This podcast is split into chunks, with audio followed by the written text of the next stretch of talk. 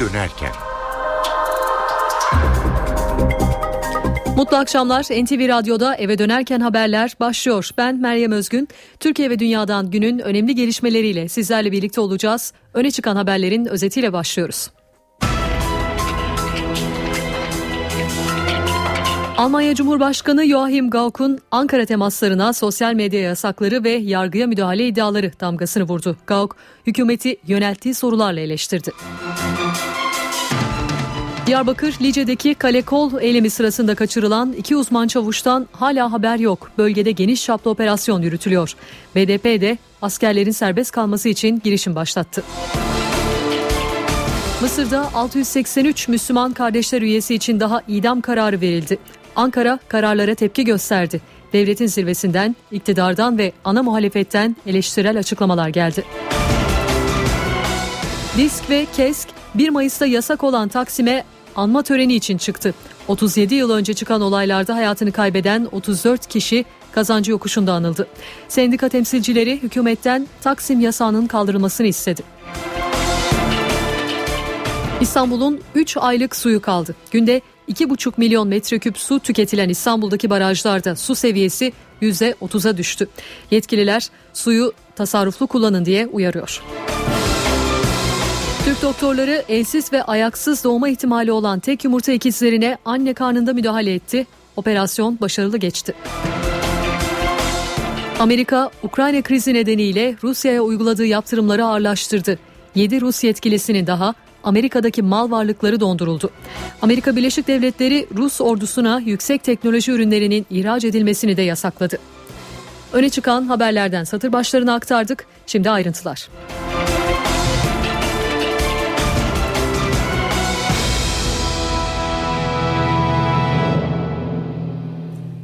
Almanya Cumhurbaşkanı Joachim Gauck Ankara ziyaretinde Türkiye gündeminde tartışma yaratan yargıya müdahale, Twitter ve YouTube yasağı konularında mesajlar verdi. Cumhurbaşkanı Gül'e sosyal medya yasağı ile ilgili bunu yapmak zorunda mıydınız? diye soran Gauck, hükümet bu kadar güçlüyken yargıya neden müdahale ediyor? diye ekledi nicht Fragen in die türkische Gesellschaft einbringen. Türk hükümeti Twitter'ı, YouTube'u yasaklamak zorunda mı? Ya da şunu soruyoruz. Anayasa Mahkemesi Başkanı neden bu kadar eleştirel konuştu? Sorularını ardı ardına sıraladı. Almanya Cumhurbaşkanı Joachim Gauck hükümeti o sorularla eleştirdi. Hükümet seçim zaferiyle bu kadar büyük bir güce sahipken belli bir düzen kurmak için neden yargıya müdahale etmeli? Bu gerçekten demokrasiyi güçlendirecek mi? Bu açıklık dostluğumuzu tehlikeye atmamalı. Sayın Başbakan'la böyle bir başarılı politikacı ile tanışmaktan, yanıtlarını duymaktan memnun olacağım.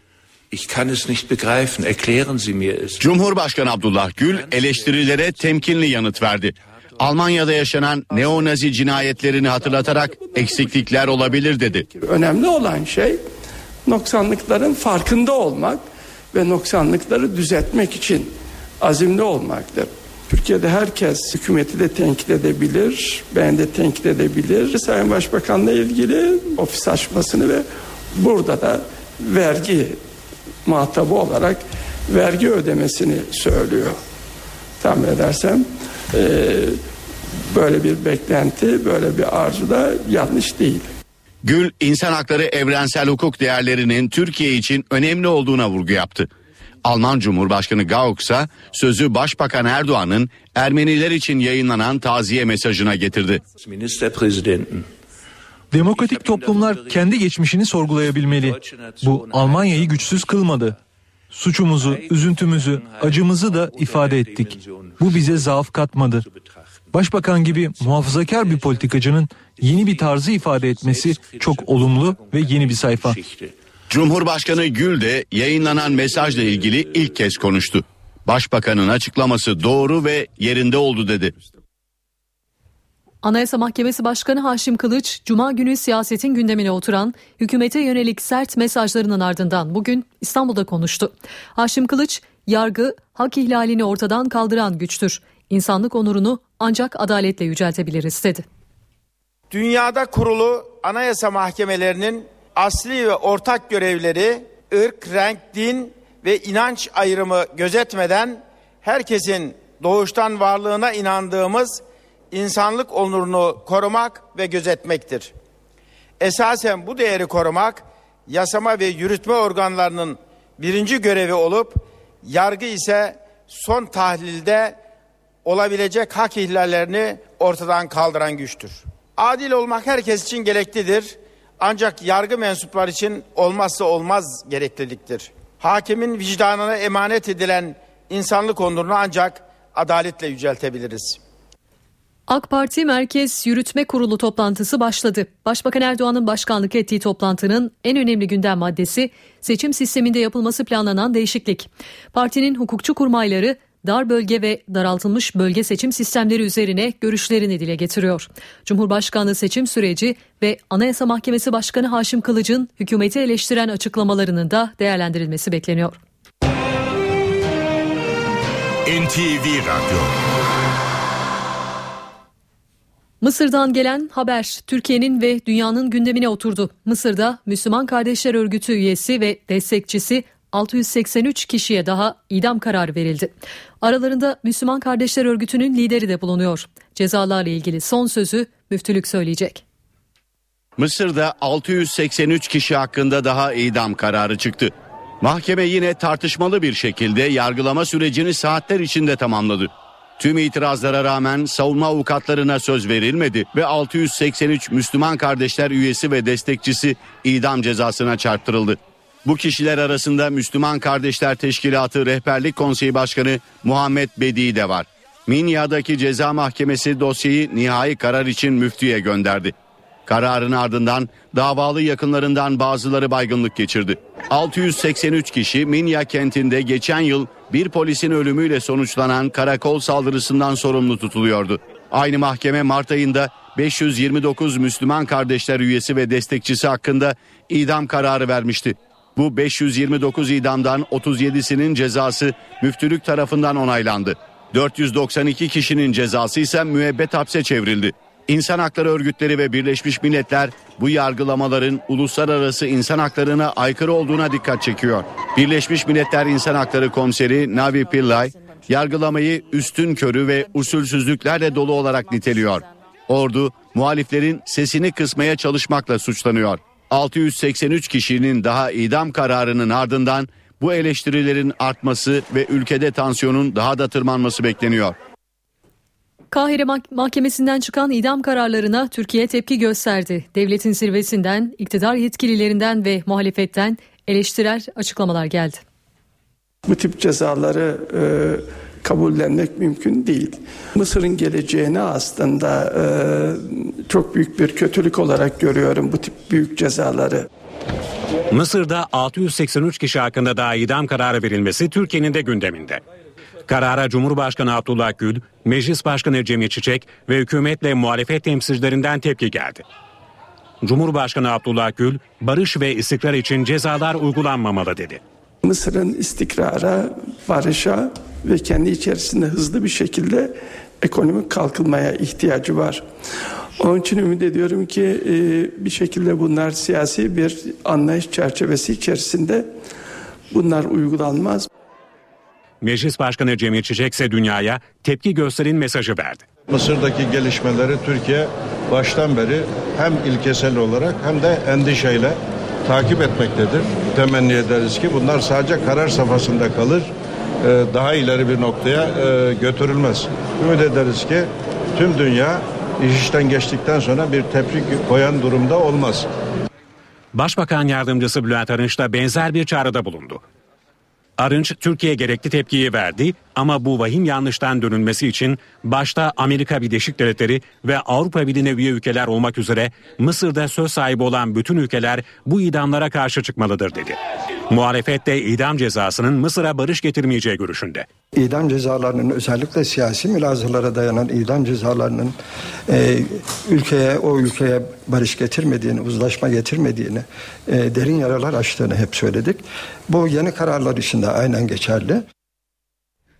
CHP Genel Başkan Yardımcısı Faruk Loğlu, Suriye'deki Türk toprağı Süleyman Şah Türbesi'ne El-Kaide ile bağlantılı IŞİD örgütü kontrolünde asker ve silah sevkiyatı yapıldığını iddia etti.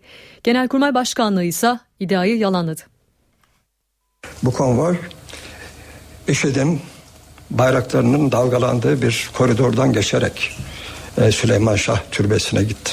CHP Genel Başkan Yardımcısı Faruk Loğlu, Türk Silahlı Kuvvetleri'nin Süleyman Şah Türbesi'ne IŞİD kontrolünde personel ve silah ikmali yaptığını iddia etti. Suriye politikası neticesinde Türkiye birlikleri, Türkiye'ye meydan okuyan bir terör örgütünün bayrakları arasından geçip gidiyor. Bu e, e, utanç e, tablosunun hesabını bir gün e, bu hükümetten e, tarih mutlaka soracak da biz de inşallah e, sorma fırsatını yakalayacağız. CHP'li Loğlu'nun bu iddiaları bir süredir bazı basın organlarında da dillendiriliyordu. Türk Silahlı Kuvvetleri iddiaları yalanladı. Genelkurmay Başkanlığından yapılan açıklamada Süleyman Şah Saygı Karakolu'nun ikmal ve personel değişim faaliyetinin rutin olarak 3 ayda bir yapıldığı ve son faaliyetin 23 Nisan'da gerçekleştiği belirtildi. Bu konuda bazı basın yayın organlarında yer alan bilgiler ve yorumlar gerçek dışıdır denildi. Konvoyun karakola gidişi ve dönüşü için ayrı güzergahlar kullanılmıştır. İzlenen güzergahlar değişik grupların kontrolü altında bulunmaktadır. Karakoldaki ikmal ve değişim faaliyetinin tamamlanmasını müteakip konvoy aynı gün saat 20 sularında emniyetli şekilde Türkiye'ye geri dönmüştür. 23 Nisan'da Anıtkabir'e 132.426 kişi gitti. Genelkurmay bu bilgiyi duyurduğu açıklamasında 23 Nisan nedeniyle Anıtkabir'i ziyaret edenlere Atatürk ve Çocuk Kitabı, Çanakkale Destanı çizgi romanı, Atatürk ve Anıtkabir kartpostalları, Ay Yıldızı balon ve kağıt bayrak hediye edildiğinde kaydetti. Eve dönerken haberleri şimdi kısa bir ara veriyoruz. Eve dönerken devam ediyor. Aranın ardından yeniden birlikteyiz. Diyarbakır'ın Nice ilçesinde Kalekol inşaatını protesto eylemi sırasında PKK tarafından kaçırılan iki uzman çavuşun sağlığının iyi olduğu açıklandı. Askerlerin serbest bırakılması için BDP girişimde bulunuyor. İlçe halkının Kalekol'u protesto için kapattığı Diyarbakır Bingöl Karayolu da saatler sonra ulaşıma açılabildi. Son bilgileri NTV bölge temsilcisi Nizamettin Kaplan anlatacak. Nizamettin seni dinliyoruz.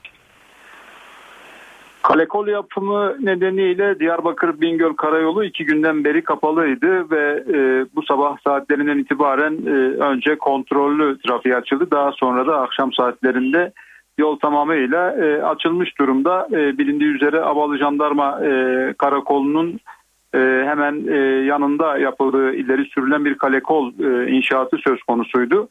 Ve e, bir grup cumartesi günü e, Bingöl Diyarbakır Karayolu'nu trafiğe kapatarak bu olaya tepki göstermişti. Ve e, onun devamında da e, yine e, bir otobüste bulunan iki uzman çavuş da orada bulunan silahlı bir grup tarafından kaçırılmıştı. O iki isimden henüz haber yok ancak sağlık durumlarının iyi olduğu yönünde bazı bilgiler var. Bölgede de tabii iki uzman çavuşun bulunması için operasyonlar devam ediyor. Uzman çavuşlarla ilgili bugün bir değerlendirme geldi. BDP eş genel başkanı Selahattin Demirtaş Ankara'da kaçırılan iki uzman çavuşla ilgili e, yaptığı açıklamada parti olarak bütün girişimleri başlattıklarını söyledi ve umarım en kısa sürede serbest kalırlar. Ama Genelkurmay e, bu karakolları neden yaptığını da açıklamalıdır e, dedi Selahattin Demirtaş açıklamasında. Tabii ki yolun açılmasından sonra normal trafik akışı başladı. E, bu tarz eylemler aslında uzun süreden beri devam ediyordu. Diyarbakır Bingöl Karayolu ilk kez kapanmıyor. Daha önce de birkaç kez kaza, kapanmıştı.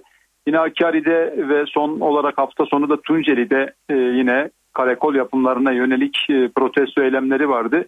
Hatırlanacağı gibi Diyarbakır'ın e, Lice ilçesine bağlı Kayacık e, köyünde de yine yenileme çalışmaları yapılan bir karakolla ilgili gösteri yapılmıştı ve Medeni Yıldırım adında bir genç e, hayatını kaybetmiştik o, o gösteriler ve olaylar sırasında e, açılan ateş sonucu.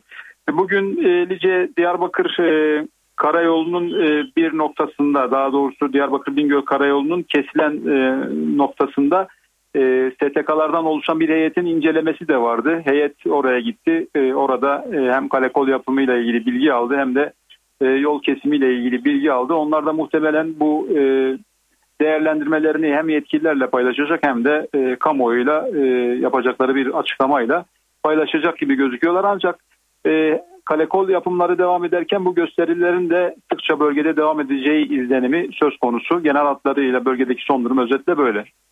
Nizamettin Kaplan teşekkürler. Barış ve Demokrasi Partisi artık Halkların Demokratik Partisi ismiyle siyasete devam edecek. Ankara'da düzenlenen törende BDP eş başkanı Selahattin Demirtaş'la milletvekili Sırrı Sakık dışındaki bütün milletvekilleri HDP'ye katıldı. BDP'li 21 milletvekili rozet taktı, törenle Halkların Demokratik Partisi'ne geçti. Siyaset mücadelesine Halkların Demokratik Partisi çatısı altında devam etme kararı alan Barış ve Demokrasi Partisi milletvekilleri için tören düzenlendi. Törene BDP ve HDP'li 29 milletvekili ile BDP'li belediye başkanları katıldı. Siyasi yasaklı milletvekilleri Ahmet Türk, Leyla Zana ve Aysel Tuğluk da törende yer aldı. Konuşmaların ardından BDP'li milletvekillerine rozetleri takıldı. Bu siyasi yasak bizi bağlamıyor. Biz bütün vekillerimize BDP rozeti takıyoruz. Bu kararla BDP kurumsal kimliğini devam ettirecek. Ancak parlamento çalışmaları artık HDP ismiyle yürütülecek. Peki BDP'liler neden HDP'ye geçiyor? Sorunun yanıtını HDP eş başkanı Ertuğrul Kürkçü NTV yayınında verdi. Kürkçü, bölgesel değil Türkiye'nin tamamıyla ilgilenen bir parti hedeflediklerini söyledi.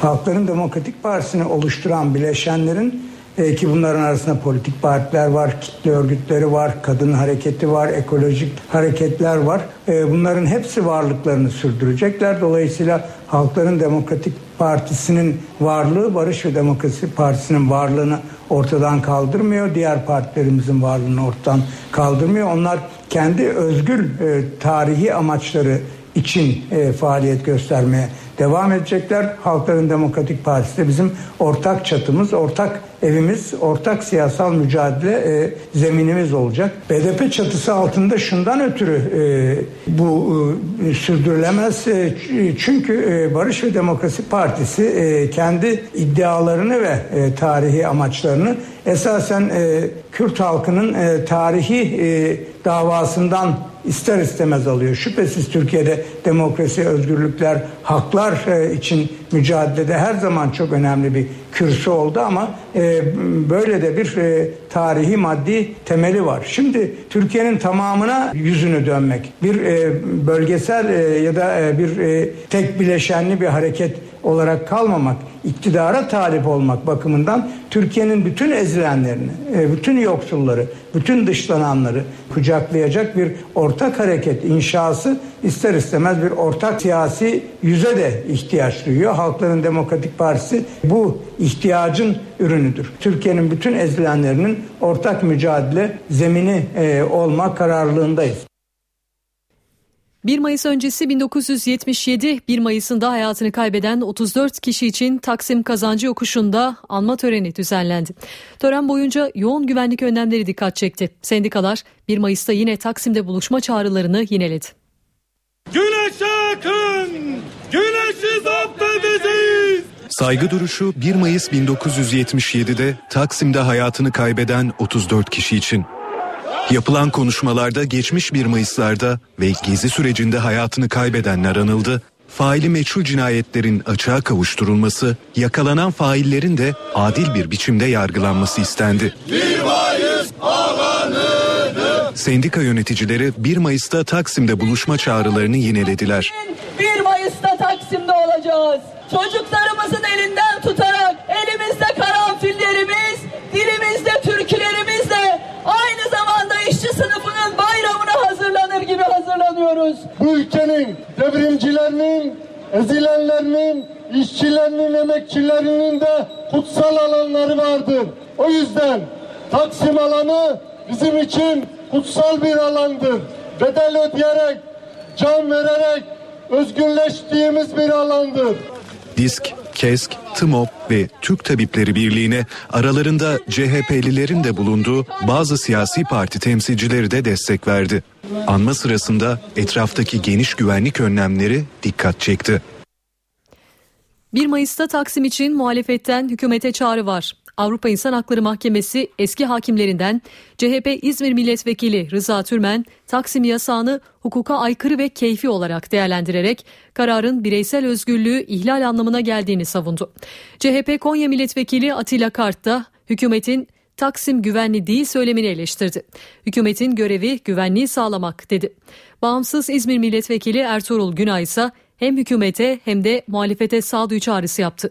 Günay, güvenlik güçleri 1 Mayıs'a provokatör grupların girmesini engelleyebilir, hükümetin görevi bu olmalıdır diye konuştu.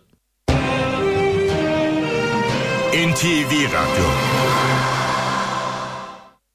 Az önce gelen bir trafik kazası haberini aktaralım. Doğan Haber Ajansı Mardin'in Kızıltepe ilçesinde bir tırın minibüse çarptığını, 30 kişinin yaralandığını bildirdi. Kaza ile ilgili yeni bilgiler geldikçe sizlerle paylaşacağız. NTV Radyo'da şimdi eve dönerken haberlere kısa bir ara veriyoruz. Eve dönerken devam edecek.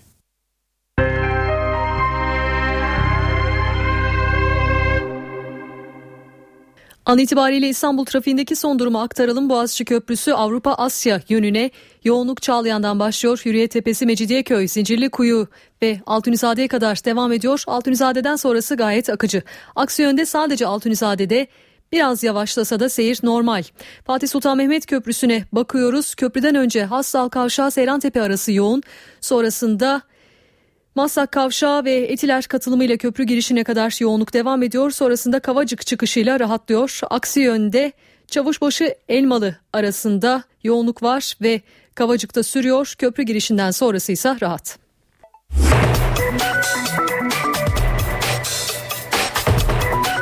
Burası NTV Radyo. Saat 18.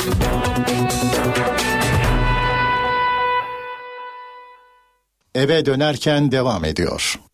Yeniden merhaba. Saat 18 NTV Radyo'da eve dönerken haberler devam ediyor. Günün öne çıkan haberlerinden satır başlarını hatırlatalım. Almanya Cumhurbaşkanı Joachim Gauck'un Ankara temaslarına sosyal medya yasakları ve yargıya müdahale iddiaları damga vurdu. Gauck, hükümeti yönelttiği sorularla eleştirdi. Diyarbakır Lice'deki kale kol eylemi sırasında kaçırılan iki uzman çavuştan hala haber yok. Askerleri bulmak için geniş çaplı operasyon yürütülüyor. Güvenlik güçleri hem havadan hem de karadan arama yapıyor. BDP askerlerin serbest kalması için girişim başlattı. Mısır'da 683 Müslüman kardeşler üyesi için daha idam kararı verildi. Ankara kararlara tepki gösterdi. Devletin zirvesinden, iktidardan ve ana muhalefetten eleştirel açıklamalar geldi. Kayıp çocuk vakalarında yenileri eklendi. Adana'da 6 yaşındaki Gizem Akdeniz'den, Manisa'da da 9 yaşındaki Umut Zambak'tan haber alınamıyor. Her iki kentte güvenlik güçleri küçük çocuklara ulaşmak için seferber oldu. Hayvan sirkleri kapanacak. Pet Shop'ta kedi köpek satışı yasaklanacak. Sahipsiz hayvanlara çip takılacak. Meclis Çevre Komisyonu'nda görüşmeleri süren hayvanları koruma yasa tasarısını avukat Özge Akım'la konuşacağız. Suriye Devlet Başkanı Beşar Esad Haziran ayında yapılacak seçimler için adaylık başvurusunda bulundu. Amerika Ukrayna krizi nedeniyle Rusya'ya uyguladığı yaptırımları ağırlaştırdı. 7 Rus yetkilisinin daha Amerika'daki mal varlıkları donduruldu. Günün öne çıkan haberlerinden satır başlarını aktardık. Şimdi ise ayrıntılar.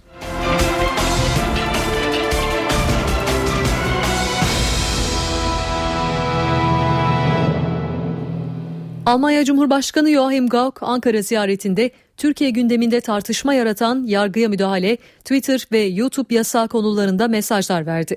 Cumhurbaşkanı Gül'e sosyal medya yasağı ile ilgili bunu yapmak zorunda mıydınız diye soran Gauck, hükümet bu kadar güçlüyken yargıya neden müdahale ediyor diye ekledi. Nicht Fragen in die türkische Gesellschaft einbringen. Türk hükümeti Twitter'ı, YouTube'u yasaklamak zorunda mı? Ya da şunu soruyoruz. Anayasa Mahkemesi Başkanı neden bu kadar eleştirel konuştu? Sorularını ardı ardına sıraladı. Almanya Cumhurbaşkanı Joachim Gauck hükümeti o sorularla eleştirdi. Hükümet seçim zaferiyle bu kadar büyük bir güce sahipken belli bir düzen kurmak için neden yargıya müdahale etmeli? Bu gerçekten demokrasiyi güçlendirecek mi? Bu açıklık dostluğumuzu tehlikeye atmamalı.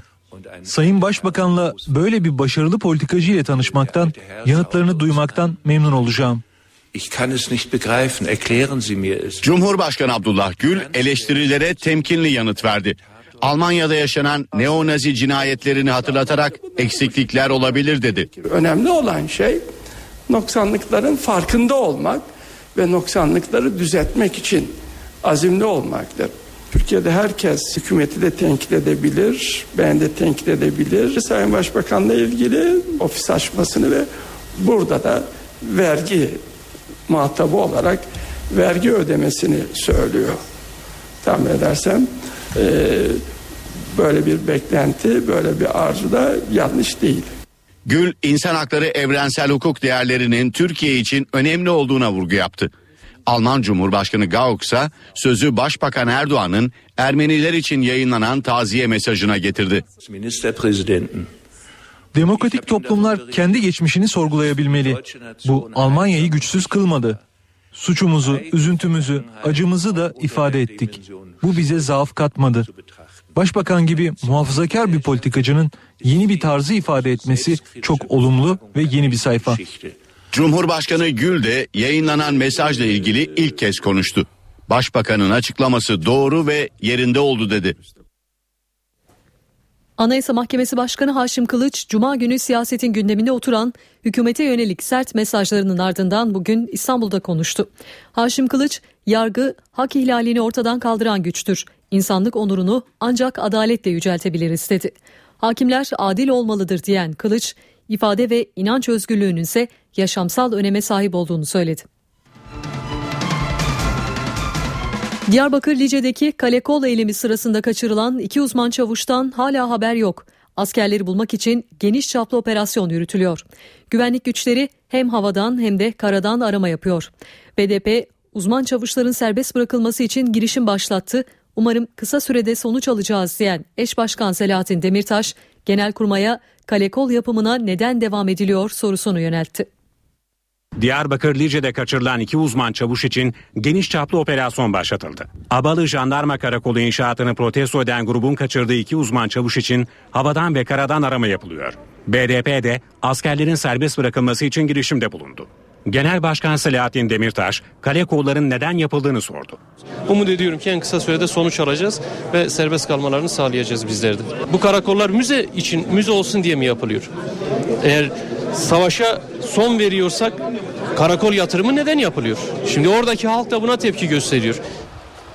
Kaçırılan uzman çavuşlardan Hasan Demircan 26 gün sonra dünya evine girecekti. Askerin Gaziantep'teki baba evinde umutlu bekleyiş sürüyor. 23 Mayıs'ta da düğünü vardı evet. Zaten düğün hazırlığındaydık.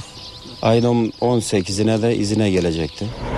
Eylem yapan silahlı grubun kapattığı Diyarbakır Bingöl Karayolu'ysa güvenlik güçleri tarafından trafiğe açıldı.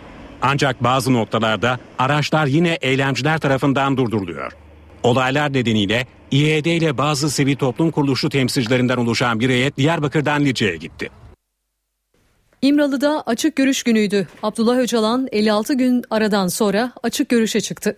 Kardeşi Fatma Öcalan, kızı Dilek Öcalan'la birlikte gittiği İmralı'da Öcalan'la bir saat süreyle açık görüşme yaptı. Fatma Öcalan, Gemlik'te gazetecilerin sorularını ise yanıtsız bıraktı. AK Parti'de Başbakan Recep Tayyip Erdoğan başkanlığında Merkez Yürütme Kurulu toplanıyor. Kurulun gündeminde değiştirilmesi planlanan seçim sistemi ve Cumhurbaşkanı seçimi ile ilgili parti içinde yapılan anket sonuçlarının olması bekleniyor. Ayrıntıları NTV muhabiri Özgür Akbaş anlatacak. Özgür seni dinliyoruz. AK Parti Merkez Yürütme Kurulu Başbakan Tayyip Erdoğan başkanlığında toplanacak. Ancak 2 saatlik bir rötarın olduğunu söyleyelim. Saat 16'da toplanması bekleniyordu. Öyle öngörülüyordu toplantının. Ancak Başbakan Erdoğan'ın resmi konuttaki kabulleri nedeniyle toplantıda biraz gecikme yaşandı. Başbakan Erdoğan AK Parti Genel Merkezi'ne yaklaşık 10 dakika önce geldi. Birazdan e, toplantının teması bekleniyor.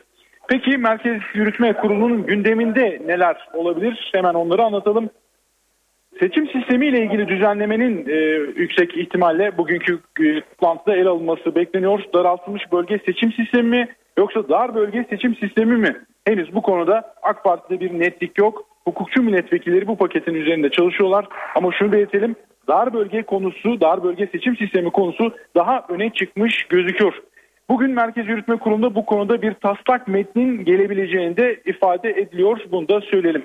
Cumhurbaşkanlığı seçim süreci ve Anayasa Mahkemesi Başkanı Haşim Kılıç'ın son dönemde hükümeti hedef alan açıklamalarının da AK Parti Merkez Yürütme Kurulu'nda ele alınması beklenen konulardan. Başbakan Erdoğan önce milletvekilleriyle ardından il başkanlarıyla bir araya gelmiş ve Cumhurbaşkanlığı süreciyle ilgili, seçim süreciyle ilgili istişarede bulunmuştu. Ve o toplantılarda anketler de yapıldı. İşte o anketlerin sonuçlarının da bugünkü Merkez Yürütme Kurulu'nun toplantısında değerlendirilebileceğini söyleyelim. Tabi toplantıya grup başkan vekilleri de katıldı. Mustafa Elitaş, Mahir Ünal gibi iki grup başkan vekili bugünkü toplantıda. Bu yüzden meclise gelecek yasa tasarıları ya da teklifleri de bugünkü toplantıda ele alınabilir. Ama bir kez daha tekrarlayalım. Henüz toplantı başlamadı ama Başbakan Erdoğan AK Parti Genel Merkezi'ne geldi. Birazdan toplantının başlaması bekleniyor. Meryem. Özgür Akbaş teşekkürler. Mısır'daki idam kararları dünyanın gündemine oturdu. Mısır'da Müslüman Kardeşler Örgütü üyesi ve destekçisi 683 kişiye daha idam kararı verildi. Aralarında Müslüman Kardeşler Örgütü'nün lideri de bulunuyor. Cezalarla ilgili son sözü müftülük söyleyecek. Mısır'da 683 kişi hakkında daha idam kararı çıktı. Mahkeme yine tartışmalı bir şekilde yargılama sürecini saatler içinde tamamladı. Tüm itirazlara rağmen savunma avukatlarına söz verilmedi ve 683 Müslüman kardeşler üyesi ve destekçisi idam cezasına çarptırıldı. Bu kişiler arasında Müslüman Kardeşler Teşkilatı Rehberlik Konseyi Başkanı Muhammed Bedi de var. Minya'daki ceza mahkemesi dosyayı nihai karar için müftüye gönderdi. Kararın ardından davalı yakınlarından bazıları baygınlık geçirdi. 683 kişi Minya kentinde geçen yıl bir polisin ölümüyle sonuçlanan karakol saldırısından sorumlu tutuluyordu. Aynı mahkeme Mart ayında 529 Müslüman kardeşler üyesi ve destekçisi hakkında idam kararı vermişti. Bu 529 idamdan 37'sinin cezası müftülük tarafından onaylandı. 492 kişinin cezası ise müebbet hapse çevrildi. İnsan hakları örgütleri ve Birleşmiş Milletler bu yargılamaların uluslararası insan haklarına aykırı olduğuna dikkat çekiyor. Birleşmiş Milletler İnsan Hakları Komiseri Navi Pillay yargılamayı üstün körü ve usulsüzlüklerle dolu olarak niteliyor. Ordu muhaliflerin sesini kısmaya çalışmakla suçlanıyor. 683 kişinin daha idam kararının ardından bu eleştirilerin artması ve ülkede tansiyonun daha da tırmanması bekleniyor. Kahire Mahkemesi'nden çıkan bu karar Ankara'da tepkiyle karşılandı. Cumhurbaşkanı Abdullah Gül, cezaları kabullenmek mümkün değil. Mısır'ın geleceği için çok büyük bir kötülük olarak görüyorum dedi. Cezaların uygulanmaması gerektiğini ifade etti. Meclis Başkanı Cemil Çiçek de dünyayı Mısır'a tepki göstermeye çağırdı. Ümit ederiz ki tüm dünya iş işten geçtikten sonra tepki koyan durumuna düşmez diye konuştu. Başbakan Yardımcısı Bülent Arınç da benzer bir çağrıda bulundu. Arınç, Türkiye gerekli tepkiyi verdi ama bu vahim yanlıştan dönülmesi için başta Washington ve Avrupa Birliği'ne üye ülkeler olmak üzere Mısır'da söz sahibi olan bütün ülkeler bu idamlara karşı çıkmalıdır dedi. Muhalefet de idam kararlarını eleştirdi. CHP Genel Başkan Yardımcısı Faruk Loğlu idam cezalarının ülkeye barış getirmediğini hep söyledik açıklamasını yaptı. NTV Radyo Adana ve Manisa'dan kayıp çocuk haberleri geldi. Adana'da 6 yaşındaki bir kız çocuğu dün öğle saatlerinde kayboldu. Anne Hatice Akdeniz'in verdiği bilgiye göre küçük kız annesi pazara gidince evden çıkıp parka oynamaya gitti. Pazardan dönen kadın kızını parkta ve çevrede aradı ancak bulamayınca polise haber verdi. Polis ekipleri dünden beri küçük kızı arıyor. Kentin çeşitli yerlerine 6 yaşındaki Gizem Akdeniz'in fotoğrafının bulunduğu afişler asıldı. Manisa'nın Akhisar ilçesinde yaşayan 9 yaşındaki Umut Zambağ'ın ise 3 gündür kayıp olduğu bildiriliyor. En son cuma günü okul çıkışında görülen çocuktan bir daha haber alınamadı. Polis ekipleri her yerde Umut Zamba arıyor. Konya Selçuk Üniversitesi'nde Türk doktorlar elsiz ve ayaksız doğma ihtimali olan ikizlere anne karnında müdahale etti ve bebekler sağlıklı olarak dünyaya geldi. Ameliyatı gerçekleştiren ekibin başındaki isim Profesör Ali Acar. Dünya literatüründe bunun bir ilk olduğunu söylüyor. Riskli bir ameliyattı. Anne ya da bebeklere zarar verilebilirdi. Ama ameliyat başarılı geçti. Konya'da tek yumurta ikizlerine hamile Seva Çetin düşük tehlikesi nedeniyle hastaneye gitti. Kontrollerde kız bebeklerden birine amniyotik band sendromu teşhisi konuldu. Rahatsızlık nedeniyle çocuğun bir ili veya bir ayağının tamamen kaybolma ihtimali vardı. Ee, çocuğun suyun içinde bulunduğu kesenin e, bir parçası, parça kopması ve bunun da çocuğun e, eline ayağına ya da yüzüne herhangi bir bölgene, bölgesine yapışması ve bu yapışma neticesinde çocuğun elsiz ya da ayaksız doğması e, durumudur. Teşhis üzerine hamileliğin 6. ayında ameliyat kararı alındı. Operasyon başarılı geçti. Zararlı doku bebekten ayrıldı. Ameliyatı yapan uzmanlara göre ilk kez tek yumurta ikizine anne karnında operasyon yapılıyor. Bu şekilde tek yumurta ikizine yapılan bir müdahale dünya literatüründe yok. İlk defa e, yapmış olduk. Zaten bu işlemler e, nadir yapılan işlemler. Nadir de olsa diğer e, ikizlere ya da teklerde yapılabiliyor. Ama tek yumurta ikizi olduğu zaman riski daha yüksek. İkizler hamileliğin 7. ayında dünyaya geldi. Erken doğum nedeniyle küvezde tutulan ikizlerin sağlık durumu iyi. Mardin'in Kızıltepe ilçesinde tırla yolcu minibüsü çarpıştı. Kazada ilk belirlemelere göre 30 kişi yaralandı. Yaralılar Kızıltepe Devlet Hastanesi'ne kaldırıldı. Polis tır sürücüsünü gözaltına aldı. Yaralıların hayati tehlikesinin bulunmadığı ifade ediliyor. Bu arada kaza nedeniyle Kızıltepe Mardin Karayolu 30 dakika boyunca trafiğe kapatıldı. Araçların kaldırılmasının ardından yol yeniden açıldı. İstanbul Laleli'de bir banka şubesi 3 kişi tarafından soyuldu. Yabancı olduğu belirtilen soyguncular güvenlik görevlisini silahla etkisiz hale getirip bankadan 20 bin lirayı aldılar ve aynı motosiklete binip kaçtılar. Kaçarken paranın bir miktarını da yere düşüren soyguncular kayıplara karıştı. Polis motosikleti daha sonra Kumkapı'da buldu. Soyguncular da her yerde aranıyor. Suriye'den kaçırılan Suriye'den kaçanların İstanbul Bayrampaşa'da kurduğu çadır kent salgın hastalık tehlikesi nedeniyle belediye ekipleri tarafından kaldırıldı. Zabıtalar bulaşıcı hastalık tehlikesinin baş göstermesi üzerine yaklaşık 300 mülteciyi çıkarıp çadırları yaktı.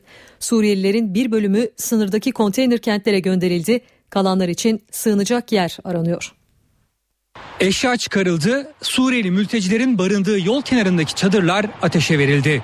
İç savaş nedeniyle ülkelerinden göç eden Suriyelilerin dramına sık sık tanık oluyoruz. Bakın burası İstanbul Bayrampaşa. Kentin göbeğinde 300 kişiden oluşan bir çadır kent vardı burada. Burası zabıtalar tarafından tahliye edildi. Savaştan kaçıp İstanbul'a gelen Suriyeliler bir süredir Bayrampaşa'da kendi kurdukları çadırlarda kalıyordu. Sayıları hızla arttı. Tuvalet ve banyo olmadığı için de bulaşıcı hastalık tehlikesi ortaya çıktı. Zabıtalar otogarın yanındaki arazide barınan Suriyelileri çadırlardan uzaklaştırdı. Belediye ekipleri Suriyeli mültecileri otobüslerle sınırdaki kamplara göndereceklerini söyledi. Suriye'den geldik çok zor durumdayız. Polisler bizi çadırlarımızdan çıkarttı. Kamplara gönderecekler. Yardım istiyoruz. Çoğu çalışmak için İstanbul'daydı. Aralarında Suriyeli Türkmenler de vardı. Sınırdaki kamplarda barınan Araplarla anlaşamadıklarını anlattılar. Bunlar gitti Diyarbakır, bunlar gitti Urfa, ha, bunlar Ankara, hepsi gitti. Belediye ekipleri alevler söndükten sonra kalan enkazı kaldırdı, bölgeyi kireçledi.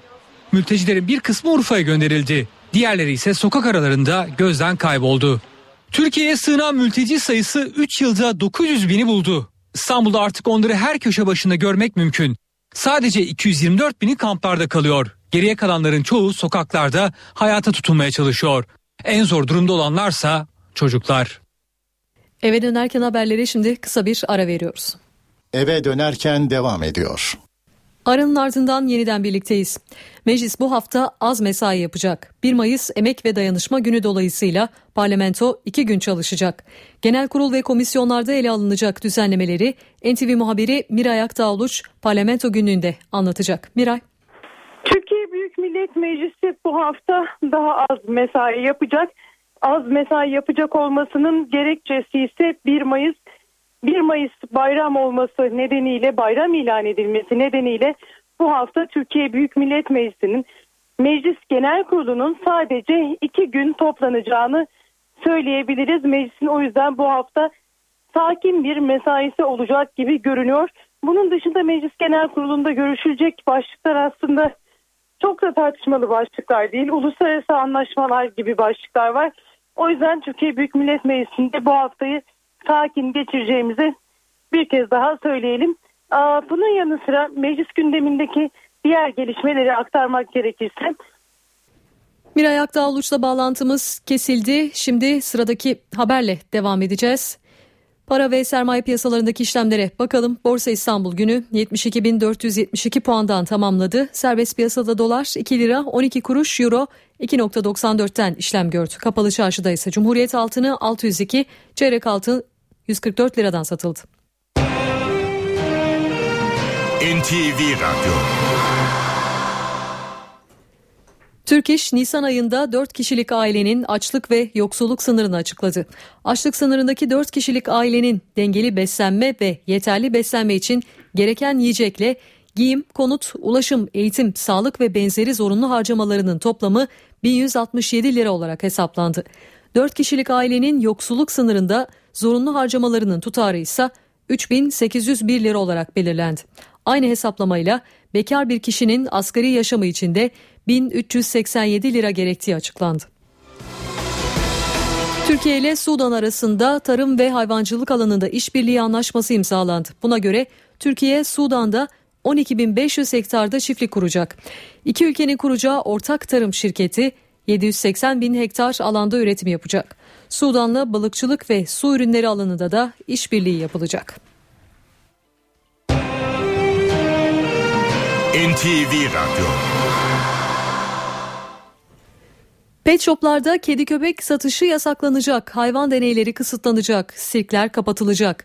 Tehlikeli olabilecek köpekleri ağız, ağızlıksız ve tasmasız dolaştıranlara 500 lira ceza verilecek.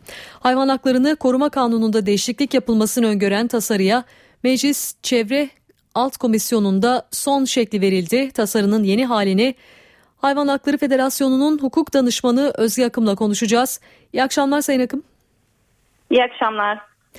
Uzun süredir beklenen bir tasarıydı bu. Önemli hükümler getiriyor. Siz tasarıyı nasıl buluyorsunuz? Şöyle uzun zamandır açıkçası yaptığımız çalışmalar sonunda meyvelerini vermeye başladı. Fakat son halini henüz almadığı için net bir konuşma yapamayacağız sizinle. Şu an e, tasarı alt komisyonda. Zaman içerisinde e, bu haftada bir toplantı olduktan sonra üst komisyona gidecek tasarı. Daha sonra uygun görülürse ufak tefek değişikliklerle genel kurulda son halini alacak. E, bu arada partilerin önerileri olacak. Bu önerilerden sonra da son haliyle artık yasa e, ortaya çıkmış olacak. Fakat e, pet shoplarla alakalı olan düzenlemeler federasyon olarak e, bizim açımızdan olumlu. Hayvan satışı sadece kuş ve balıklar açısından yapılabilecek. E, kedi köpek satışını durdurmayı hedefliyoruz. Bu da açıkçası terk edilen hayvan sayısında ciddi derecede azalmaya yol açacağını düşünüyoruz. Kuş ve balık dışında pet shoplarda hayvan ticareti yapılamayacak ancak üretim çiftliklerinde ticaret mümkün olabilecek. Bu hükmü nasıl yorumlarsınız? Bunlar, evet. Bunlara ilişkin de e, kısıtlamalar olacak. Buna ilişkin hayvan satışında bulunan bu işletmelerde eğitimler öngörülecek. Fakat bunların altyapısı henüz hazır değil. E, bütün hayvanların e, çift sisteminle kontrolü sağlanacak. Böylece nüfusun da ne olduğu yönünde ve kime sahiplendirildiği yönünde de bir takip söz konusu olacak. Bu, bunun sonucunda da hayvanı takip etmeyenler, terk edenlerle alakalı da işlem yapılması, cezai müeyyideler uygulanması kolaylaşacak. Peki sirklerin kapatılması konusu var. Bu düzenleme e, kısa zamanda hayata geçebilir mi size göre? Şöyle e, sirklerin e, ve açıkçası bir de Yunus parklarının kapatılması söz konusu. Burada da hayvanların doğal yaşamlarından koparılıp e, buralarda sergilenmesi çok insani bir yaklaşım değil ve hayvanlara ciddi zararlar veriyor. Dolayısıyla bunun bir anda kapatılması mümkün olmasa da öncelikle bizler e, talebi azaltarak gitmeyerek bunun önüne geçeriz. Daha sonra da Yunus parklarının özellikle kapatılmasına ilişkin bir e, tasarıda madde var. Bunu sunmuştuk biz. Bu da kademeli olarak kapatılacak. Zaman içerisinde kapatılacağını ben de inanıyorum. Peki bu tasarıdaki e, hükümler arasında sizin önemli olarak eksik bulduğunuz ya da eklenmesini e, şart gördüğünüz maddeler neler? Şöyle e, biz hayvanat bahçelerinin de kapatılması yönünde bir talebimiz olmuştu. Bu ilk tasarıda bu yoktu. Aksine e, hayvanat bahçelerinin açılması yönünde bir teşvik vardı. Güzel kişilik olarak e, şirketlere verilebilecekti. Buna ilişkin özellikle bir değişim söz konusu olmalıydı. Bizim umudumuz buna da yönelik bir değişiklik olması. İkincisi de deney hayvanlarına alakalı bizim karşı çıktığımız hususlar var. Hayvanların e, etik kurulunun bir en son yönetmeliği oldu. Geçen aylarda çıktı bu. Sokak hayvanlarının normal şartlarda deneyde kullanılması yasak ama barınaklara giden hayvanların e, belli konularda araştırmalarda kullanılabilmesinin önünü açan bir madde vardı. Biz buna sonuna kadar karşıyız. deney hayvanlarına zaten kabul etmemiz mümkün değil. Hayvanlara acı ve ıstırap verilen bir araştırma yöntemini zaten kabul etmiyoruz. Dolayısıyla deney hayvanları açısından da olumlu bir değişiklik yapılmasını bekliyoruz. Hayvanların deneylerde kullanılmasını yasaklanmasını istiyoruz. Peki Özge Akım çok teşekkür ediyoruz yayına katkılarınız, değerli yorumlarınız için ben sağ olun. Ben teşekkür ederim sağ olun iyi yayınlar. Az önce Miray Akdağluç'la bir bağlantı kurmuştuk ve bir kesintiye uğramıştı bu bağlantı. Parlamento günlüğü için tekrar Miray Akdağluç'a dönelim. Miray. Meclisin bu hafta e, iki gün çalışacağını anlatıyorduk. 1 Mayıs Emek ve Dayanışma Günü nedeniyle meclisin mesaisi bu hafta daha az olacak. Ancak yarın partilerin grup toplantıları var tabii. Meclis Genel Kurulu'nda Aile ve Sosyal Politikalar Bakanı Ayşenur İslam milletvekillerinin sözlü soru önergelerini yanıtlayacak. Genel kurulda çarşamba günü uluslararası sözleşmelerle bazı yasa tasarıları var ama genel olarak aslında çok da tartışmalı konular bu hafta mecliste ele alınmayacak gibi görünüyor ve 1 Mayıs nedeniyle Perşembe günü toplanmayacak Türkiye Büyük Millet Meclisi ama ondan sonraki hafta önümüzdeki hafta daha tartışmalı konular Meclis Genel Kurulu'na meclise gelecek. E, meclise gelecek başlıklar arasında soruşturma önergeleri var. 5 Mayıs pazartesi günü 4 bakan hakkındaki 4 eski bakan hakkındaki soruşturma önergeleri ele alınacak işte o günde büyük ihtimalle tartışmalı bir oturum gerçekleşecek gibi meclis genel kurulunda. Türkiye Büyük Millet Meclisi'nde e, Cumhuriyet Halk Partisi Genel Başkanı Kemal Kılıçdaroğlu'na yönelik yumruklu saldırı sonrasında da güvenlik önlemleri artırıldı. O güvenlik önlemlerine ilişkin son bilgileri de paylaşalım. Milletvekillerinin araçlarına ve personelin yaka kartlarına çip takılması artık gündemde. Çipli kartlar odalarda, asansörde, otoparklarda kullanılabilecek. E, Kemal Kılıçdaroğlu'na saldırının ardından önce e, grup toplantılarına liderlerin geçici koridorlar ziyaretçilerden arındırılarak bir güvenlik alanı oluşturulmuştu. Hatta oradaki e, ziyaretçilerin oturacağı yerler kaldırılmıştı. E, o yüzden aslında şu ana kadar alınan bazı güvenlik önlemleri vardı ama bunlar daha da artırıldı ve ziyaretçiler artık randevuyla meclise alınmaya başlandı. Milletvekillerinin ziyaretçileriyle ana binalara girmeleri de yasak artık. Ona istedikleri gibi ana binaya ziyaretçilerini eskiden getirebiliyorlardı ama bu duruma yönelik bir kısıtlama var. Kendi odalarına e, ziyaretçilerini alabiliyorlar. Fakat genel kurulun yapıldığı o ana binaya eskisi gibi giremiyor. Milletvekillerinin ziyaretçileri ve ziyaretçisini almakta ısrarlı olan bazı milletvekilleri hakkında geçtiğimiz günlerde tutanaklar da tutuldu. Buna da dikkat çekmekte fayda var. Önlemler bununla da sınırlı değil. Meclis Güvenlik Kurulu yeni kararlar aldı. Ee, dediğimiz gibi araçlara ve personele yaka kartlarına takılacak çiplerle belirli alanlar dışında yetkililer dışında e, dışındaki kimse giremeyecek. Tamamen engel, engel olunacak buna. Yani o çiplerin olmadığı kişiler bu alanlara, belirlenmiş alanlara giremeyecekler ve meclise girmesi yasak olan 350 kişiyle ilgili bir liste vardı. Bir yasak listesi vardı. O liste baştan revize edildi. Muhtemelen bazı eklemeler ya da çıkartılmalar yapıldığını tahmin ediyoruz. Ve genel kurulun çalıştığı saatlerde personelin de ana binayı ziyaretçi alması yasaklandı. Sadece milletvekilleri değil personel de alamayacak ve dediğimiz gibi tutanaklar tutulmuştu milletvekilleriyle ilgili. Bu tutanakların önümüzdeki gün farklı kişilerle meclis personeli hatta gazetecilerle ilgili bir olabileceği belirtiliyor. O yüzden meclise güvenlik önlemleri de e, son aşamaya artık geldi gibi CHP Genel Başkanı Kemal Kılıçdaroğlu'na yönelik yumruklu saldırının ardından. Ve Türkiye Büyük Millet Meclisi cephesinde bugün gerçekleşen bir süredir zaten gündemde olan ama bugün gerçekleşen önemli bir konu var. Barış ve Demokrasi Partisi artık yoluna Halkların Demokrasi Partisi ismiyle devam edecek. Bugün gerçekleşti bu tören. BDP'li 19 milletvekili rozet taktı ve törenle HDP'ye geçtiler. Siyaset mücadelesine artık HDP çatısı altında e, devam edeceklerini ifade ettiler. 29 toplam milletvekili var ve belediye başkanları da bugünkü törende vardı. Siyasi yasaklı milletvekilleri var. Ahmet Türk, Leyla Zana, Aysel Çoluk onlar da törende e, bugün yer almışlardı. Neden HDP'ye geçtikleri tabii merak ediliyor. Buna yönelik yanıt e, aslında daha önceden e, kendileri vermişti ama bugün o tören sırasında bir kez daha e, bunun gerekçesini anlattılar. BDP'nin eş genel başkanıydı e, Selahattin Demirtaş. O bir açıklama yaptı. Tabana kitleye hitap eden İslamcısından Alevisine, Türkünden Kürdüne, Ermenisinden Süryanisine kadar kim varsa e, herkese hitap eden bir parti olmaya e, çalışıyoruz. O yüzden e, böyle bir birleşmeyi gerçekleştirdik. Ki Barış ve Demokrasi Partisi aslında bu yönden eleştiriliyordu ve seçimden önce HDP'ye dönüşmesine karar verilmişti. HDP'nin kurulmasına karar verilmişti. Ertuğrul Kürkçü'den e, de bir değerlendirme geldi. O da sıradan bir adım, e, sıradan bir adım, sıradan bir değişim olmadığını söyledi bu birleşmenin. Stratejik bir hamle olduğunu söyledi ve e, halkla aralarına ölmek istenen tüm engelleri bir anda ortadan kaldıracağız böylelikle dedi. Yani e, BDP eski BDP'nin şimdiki HDP adıyla e, daha çok bir Türkiye partisi olmaya e, aday olduğunu ifade etti. Her iki partinin de yetkilileri ve rozetler de takıldı bugün ve bu aşamadan sonra artık Barış ve Demokrasi kurum e, Barış ve Demokrasi Partisi'nin kurumsal kimliği devam edecek ama mecliste Halkların Demokrasi Partisi olarak kendilerini temsil edecekler. Parlamento çalışmaları da artık HDP olarak devam edecek. Bu da önemli bir gelişme muhalefet partileri adına yeni bir seçenek olacak mı HDP önümüzdeki günlerde, önümüzdeki seçimlerde onu da e, gelecek zamanlardaki seçimler sürecinde göreceğiz. Türkiye'nin gündeminden, parlamentonun gündeminden son notlar özetle bu şekilde.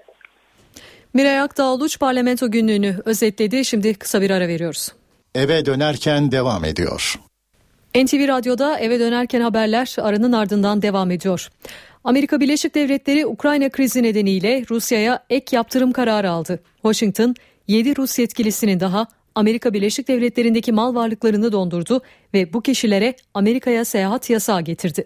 Ambargo listesine dahil edilen isimler arasında Rusya Devlet Başkanı Vladimir Putin'in yakın dostu Igor Sechin de var. 17 Rus şirketine de ambargo uygulayan Washington ayrıca Rus ordusuna yüksek teknoloji ürünlerin ihraç edilmesini yasakladı. Avrupa Birliği'nin de bugün Rusya'ya yeni yaptırımlar açıklaması bekleniyor. Iraklılar çarşamba günü parlamento seçimleri için sandık başına gidiyor. Kuzey Irak'taki Zaho kentinde Irak Kürdistan Demokratik Partisi'nin düzenlediği mitingde İbrahim Tatlıses ve Şivan Perver kürsüye çıkıp türküler söyledi. Irak'ta 328 milletvekilliği için 9200 aday yarışıyor. 20 milyon seçmenin oy kullanacağı seçim nedeniyle yoğun güvenlik önlemleri alındı. Seçim günü görev yapacakları gerekçesiyle güvenlik güçleri ve sağlık görevlileri bugün oy veriyor. Ancak tüm önlemlere rağmen sandıklar kurulur kurulmaz saldırıların hedefi oldu. Onlarca kişi öldü ve yaralandı. Yurt dışındaki Iraklılar için de Türkiye dahil 20 ülkede oy verme işlemi için sandıklar kuruldu. Yaklaşık bir buçuk yıldır Almanya'da tedavi gören Kürdistan Yurtsever Birliği lideri ve Irak Cumhurbaşkanı Celal Talabani de uzun bir aradan sonra oy kullanmak için kamuoyunun karşısına çıktı. Talabani oyunu tedavi gördüğü Berlin'de kullandı. Suriye'de iç savaş ortamında seçime gidiyor ve Beşar Esad devlet başkanlığı için resmen başvurdu. Haziranda yapılacak seçimde Esad dışında bir kadın 6 aday daha yarışacak. Adayların son 10 yılda Suriye'de yaşaması koşulu getirildiği için ülke dışındaki muhalifler seçimde saf dışı bırakıldı. Devlet başkanlığı seçimini bir kez daha Beşar Esad'ın kazanması bekleniyor. Amerika Birleşik Devletleri'nin Ankara Büyükelçisi Francis Richardone Ağustos ayında emekliye ayrılıyor. Yerine çok genç bir isim John Bass'ın geleceği konuşuluyor. Müstakbel Amerikan elçisinin portresini çıkardık. Ağustos ayında emekliye ayrılacak ABD'nin Ankara Büyükelçisi Francis Richardone'nin halefinin John Bass olması bekleniyor. Kıdemli bir dışişleri yetkilisi olan John Bass, halen Dışişleri Bakanı John Kerry'nin özel kalem müdürü olarak görev yapıyor. 40'lı yaşlarındaki John Bass seleflerine göre genç. Türkiye'de ise daha önce görev yapmamış. 2004-2005 yılları arasında Başkan Yardımcısı Dick Cheney'nin danışmanlığını yapan John Bass'in Beyaz Saray tecrübesi dikkat çekiyor. Tiflis eski büyükelçisi olan John Bass, Rusya ve Kafkaslar konusunda deneyimli bir isim. 2000-2001 arası Rusya'da çalışan Bass, Moskova'yı ABD'nin yeni füze savunma sistemine ikna eden isimlerden biri olarak biliniyor. John Bass, Dışişleri Bakanlığı'nda görev almadan önce Türkiye ve Kıbrıs konularında da çalışmalarda bulunmuş. John Bass'in adaylığı henüz Beyaz Saray tarafından resmi olarak duyurulmuş değil. ABD'nin Ankara Büyükelçisi Francis Richardone ise Ağustos sonunda emekli olduktan sonra Washington'ın köklü kurumlarından Atlantik Konseyi'nin başkan yardımcılığını üstlenecek. Suudi Arabistan'da MERS virüsü nedeniyle hayatını kaybedenlerin sayısı 102'ye çıktı.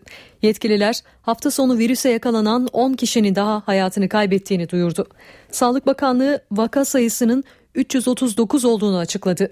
Riyad, Cidde ve Dammam'da 3 hastanede özel merkezler kuruldu.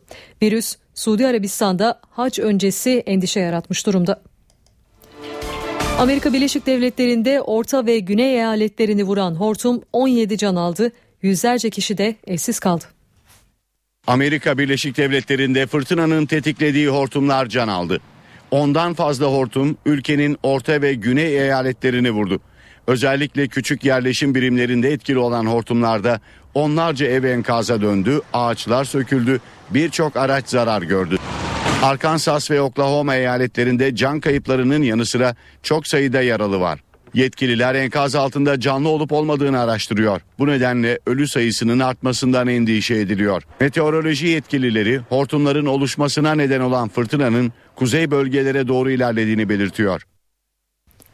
Tayvan'da yeni nükleer nükleere karşı çıkan çevreciler polis müdahalesiyle dağıtılsalar da amaçlarına ulaştılar. Kol kola girerek birbirine kenetlenen göstericiler tazikli suyla dağıtılırken hükümet protestoları dikkate aldı ve 4. nükleer santral inşaatını askıya aldığını duyurdu. Amerikan Basketbol Ligi NBA'de ırkçılık skandalı dünya gündemine oturdu. Los Angeles Clippers takımının sahibine ait ırkçı ifadelerin yer aldığı ses kaydı öfke yarattı. Başkan Obama'dan ve oyunculardan sert tepki var. ABD'de ortaya çıkan bir ses kaydı ülkeyi karıştırdı. NBA takımlarından Los Angeles Clippers'ın sahibi Donald Sterling'e ait olduğu iddia edilen bu ses kaydında bir adam kız arkadaşının Afro-Amerikalılarla olan yakınlığını sosyal ağlarda paylaşmamasını ve siyahi arkadaşlarını maça getirmemesini istiyor. TMZ sitesinde yayınlanan kayda ilk tepki NBA yönetiminden geldi.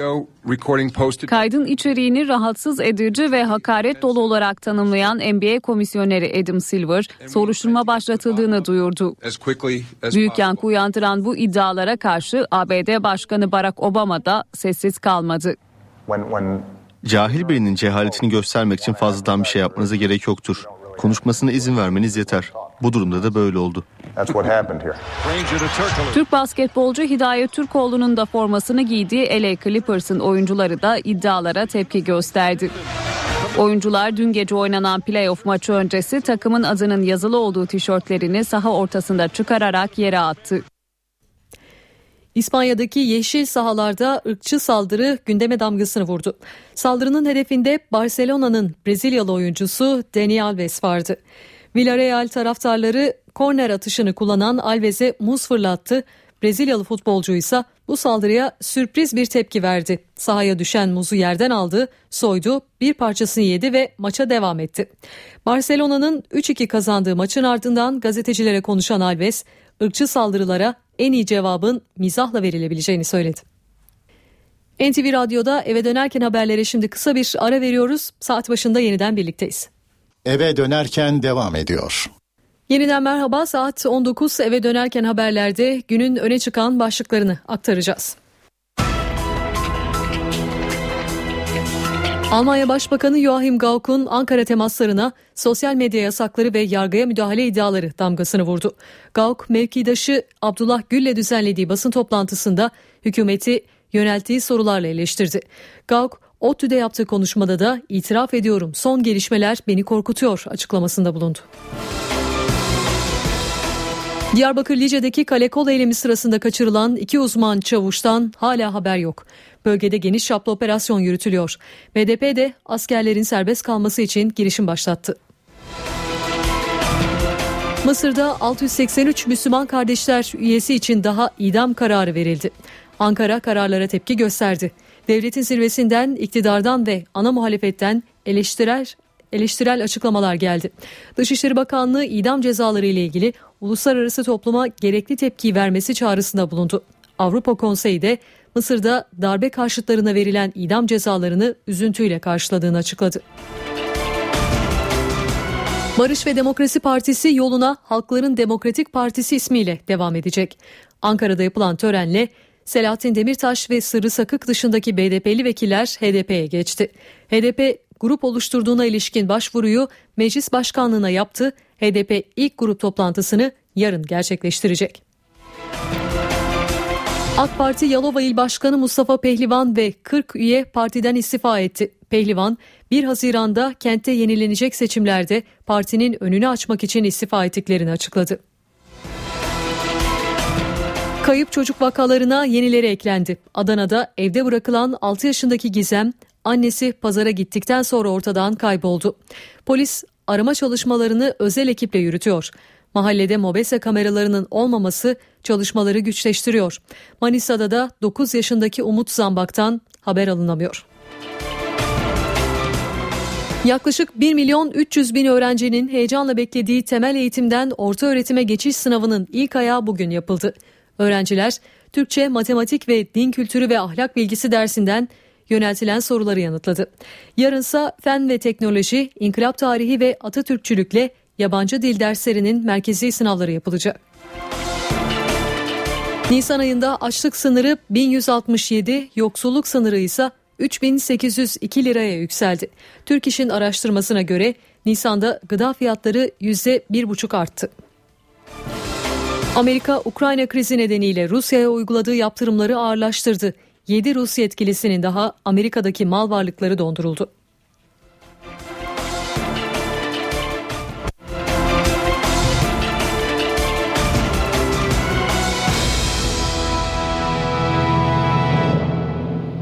An itibariyle İstanbul trafiğindeki son durumu aktaralım.